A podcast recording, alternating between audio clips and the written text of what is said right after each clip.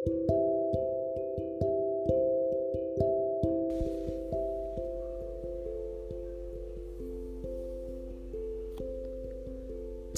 dan benci. Aku tidak pernah mengerti.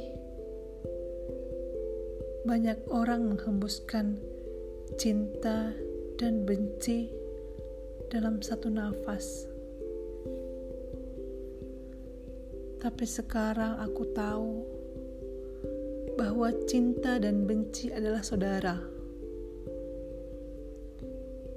yang membodohi kita memisahkan kita. Sekarang aku tahu bahwa cinta harus siap merasakan sakit. Cinta harus siap kehilangan.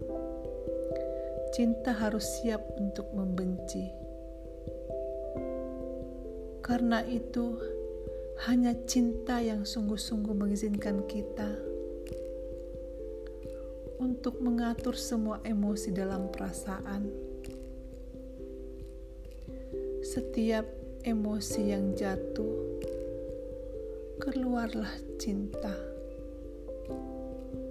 Sekarang aku mengetahui implikasi dari cinta. Cinta tidak berasal dari hati, tapi cinta berasal dari jiwa dan zat dasar manusia. Ya, Aku senang telah mencintai,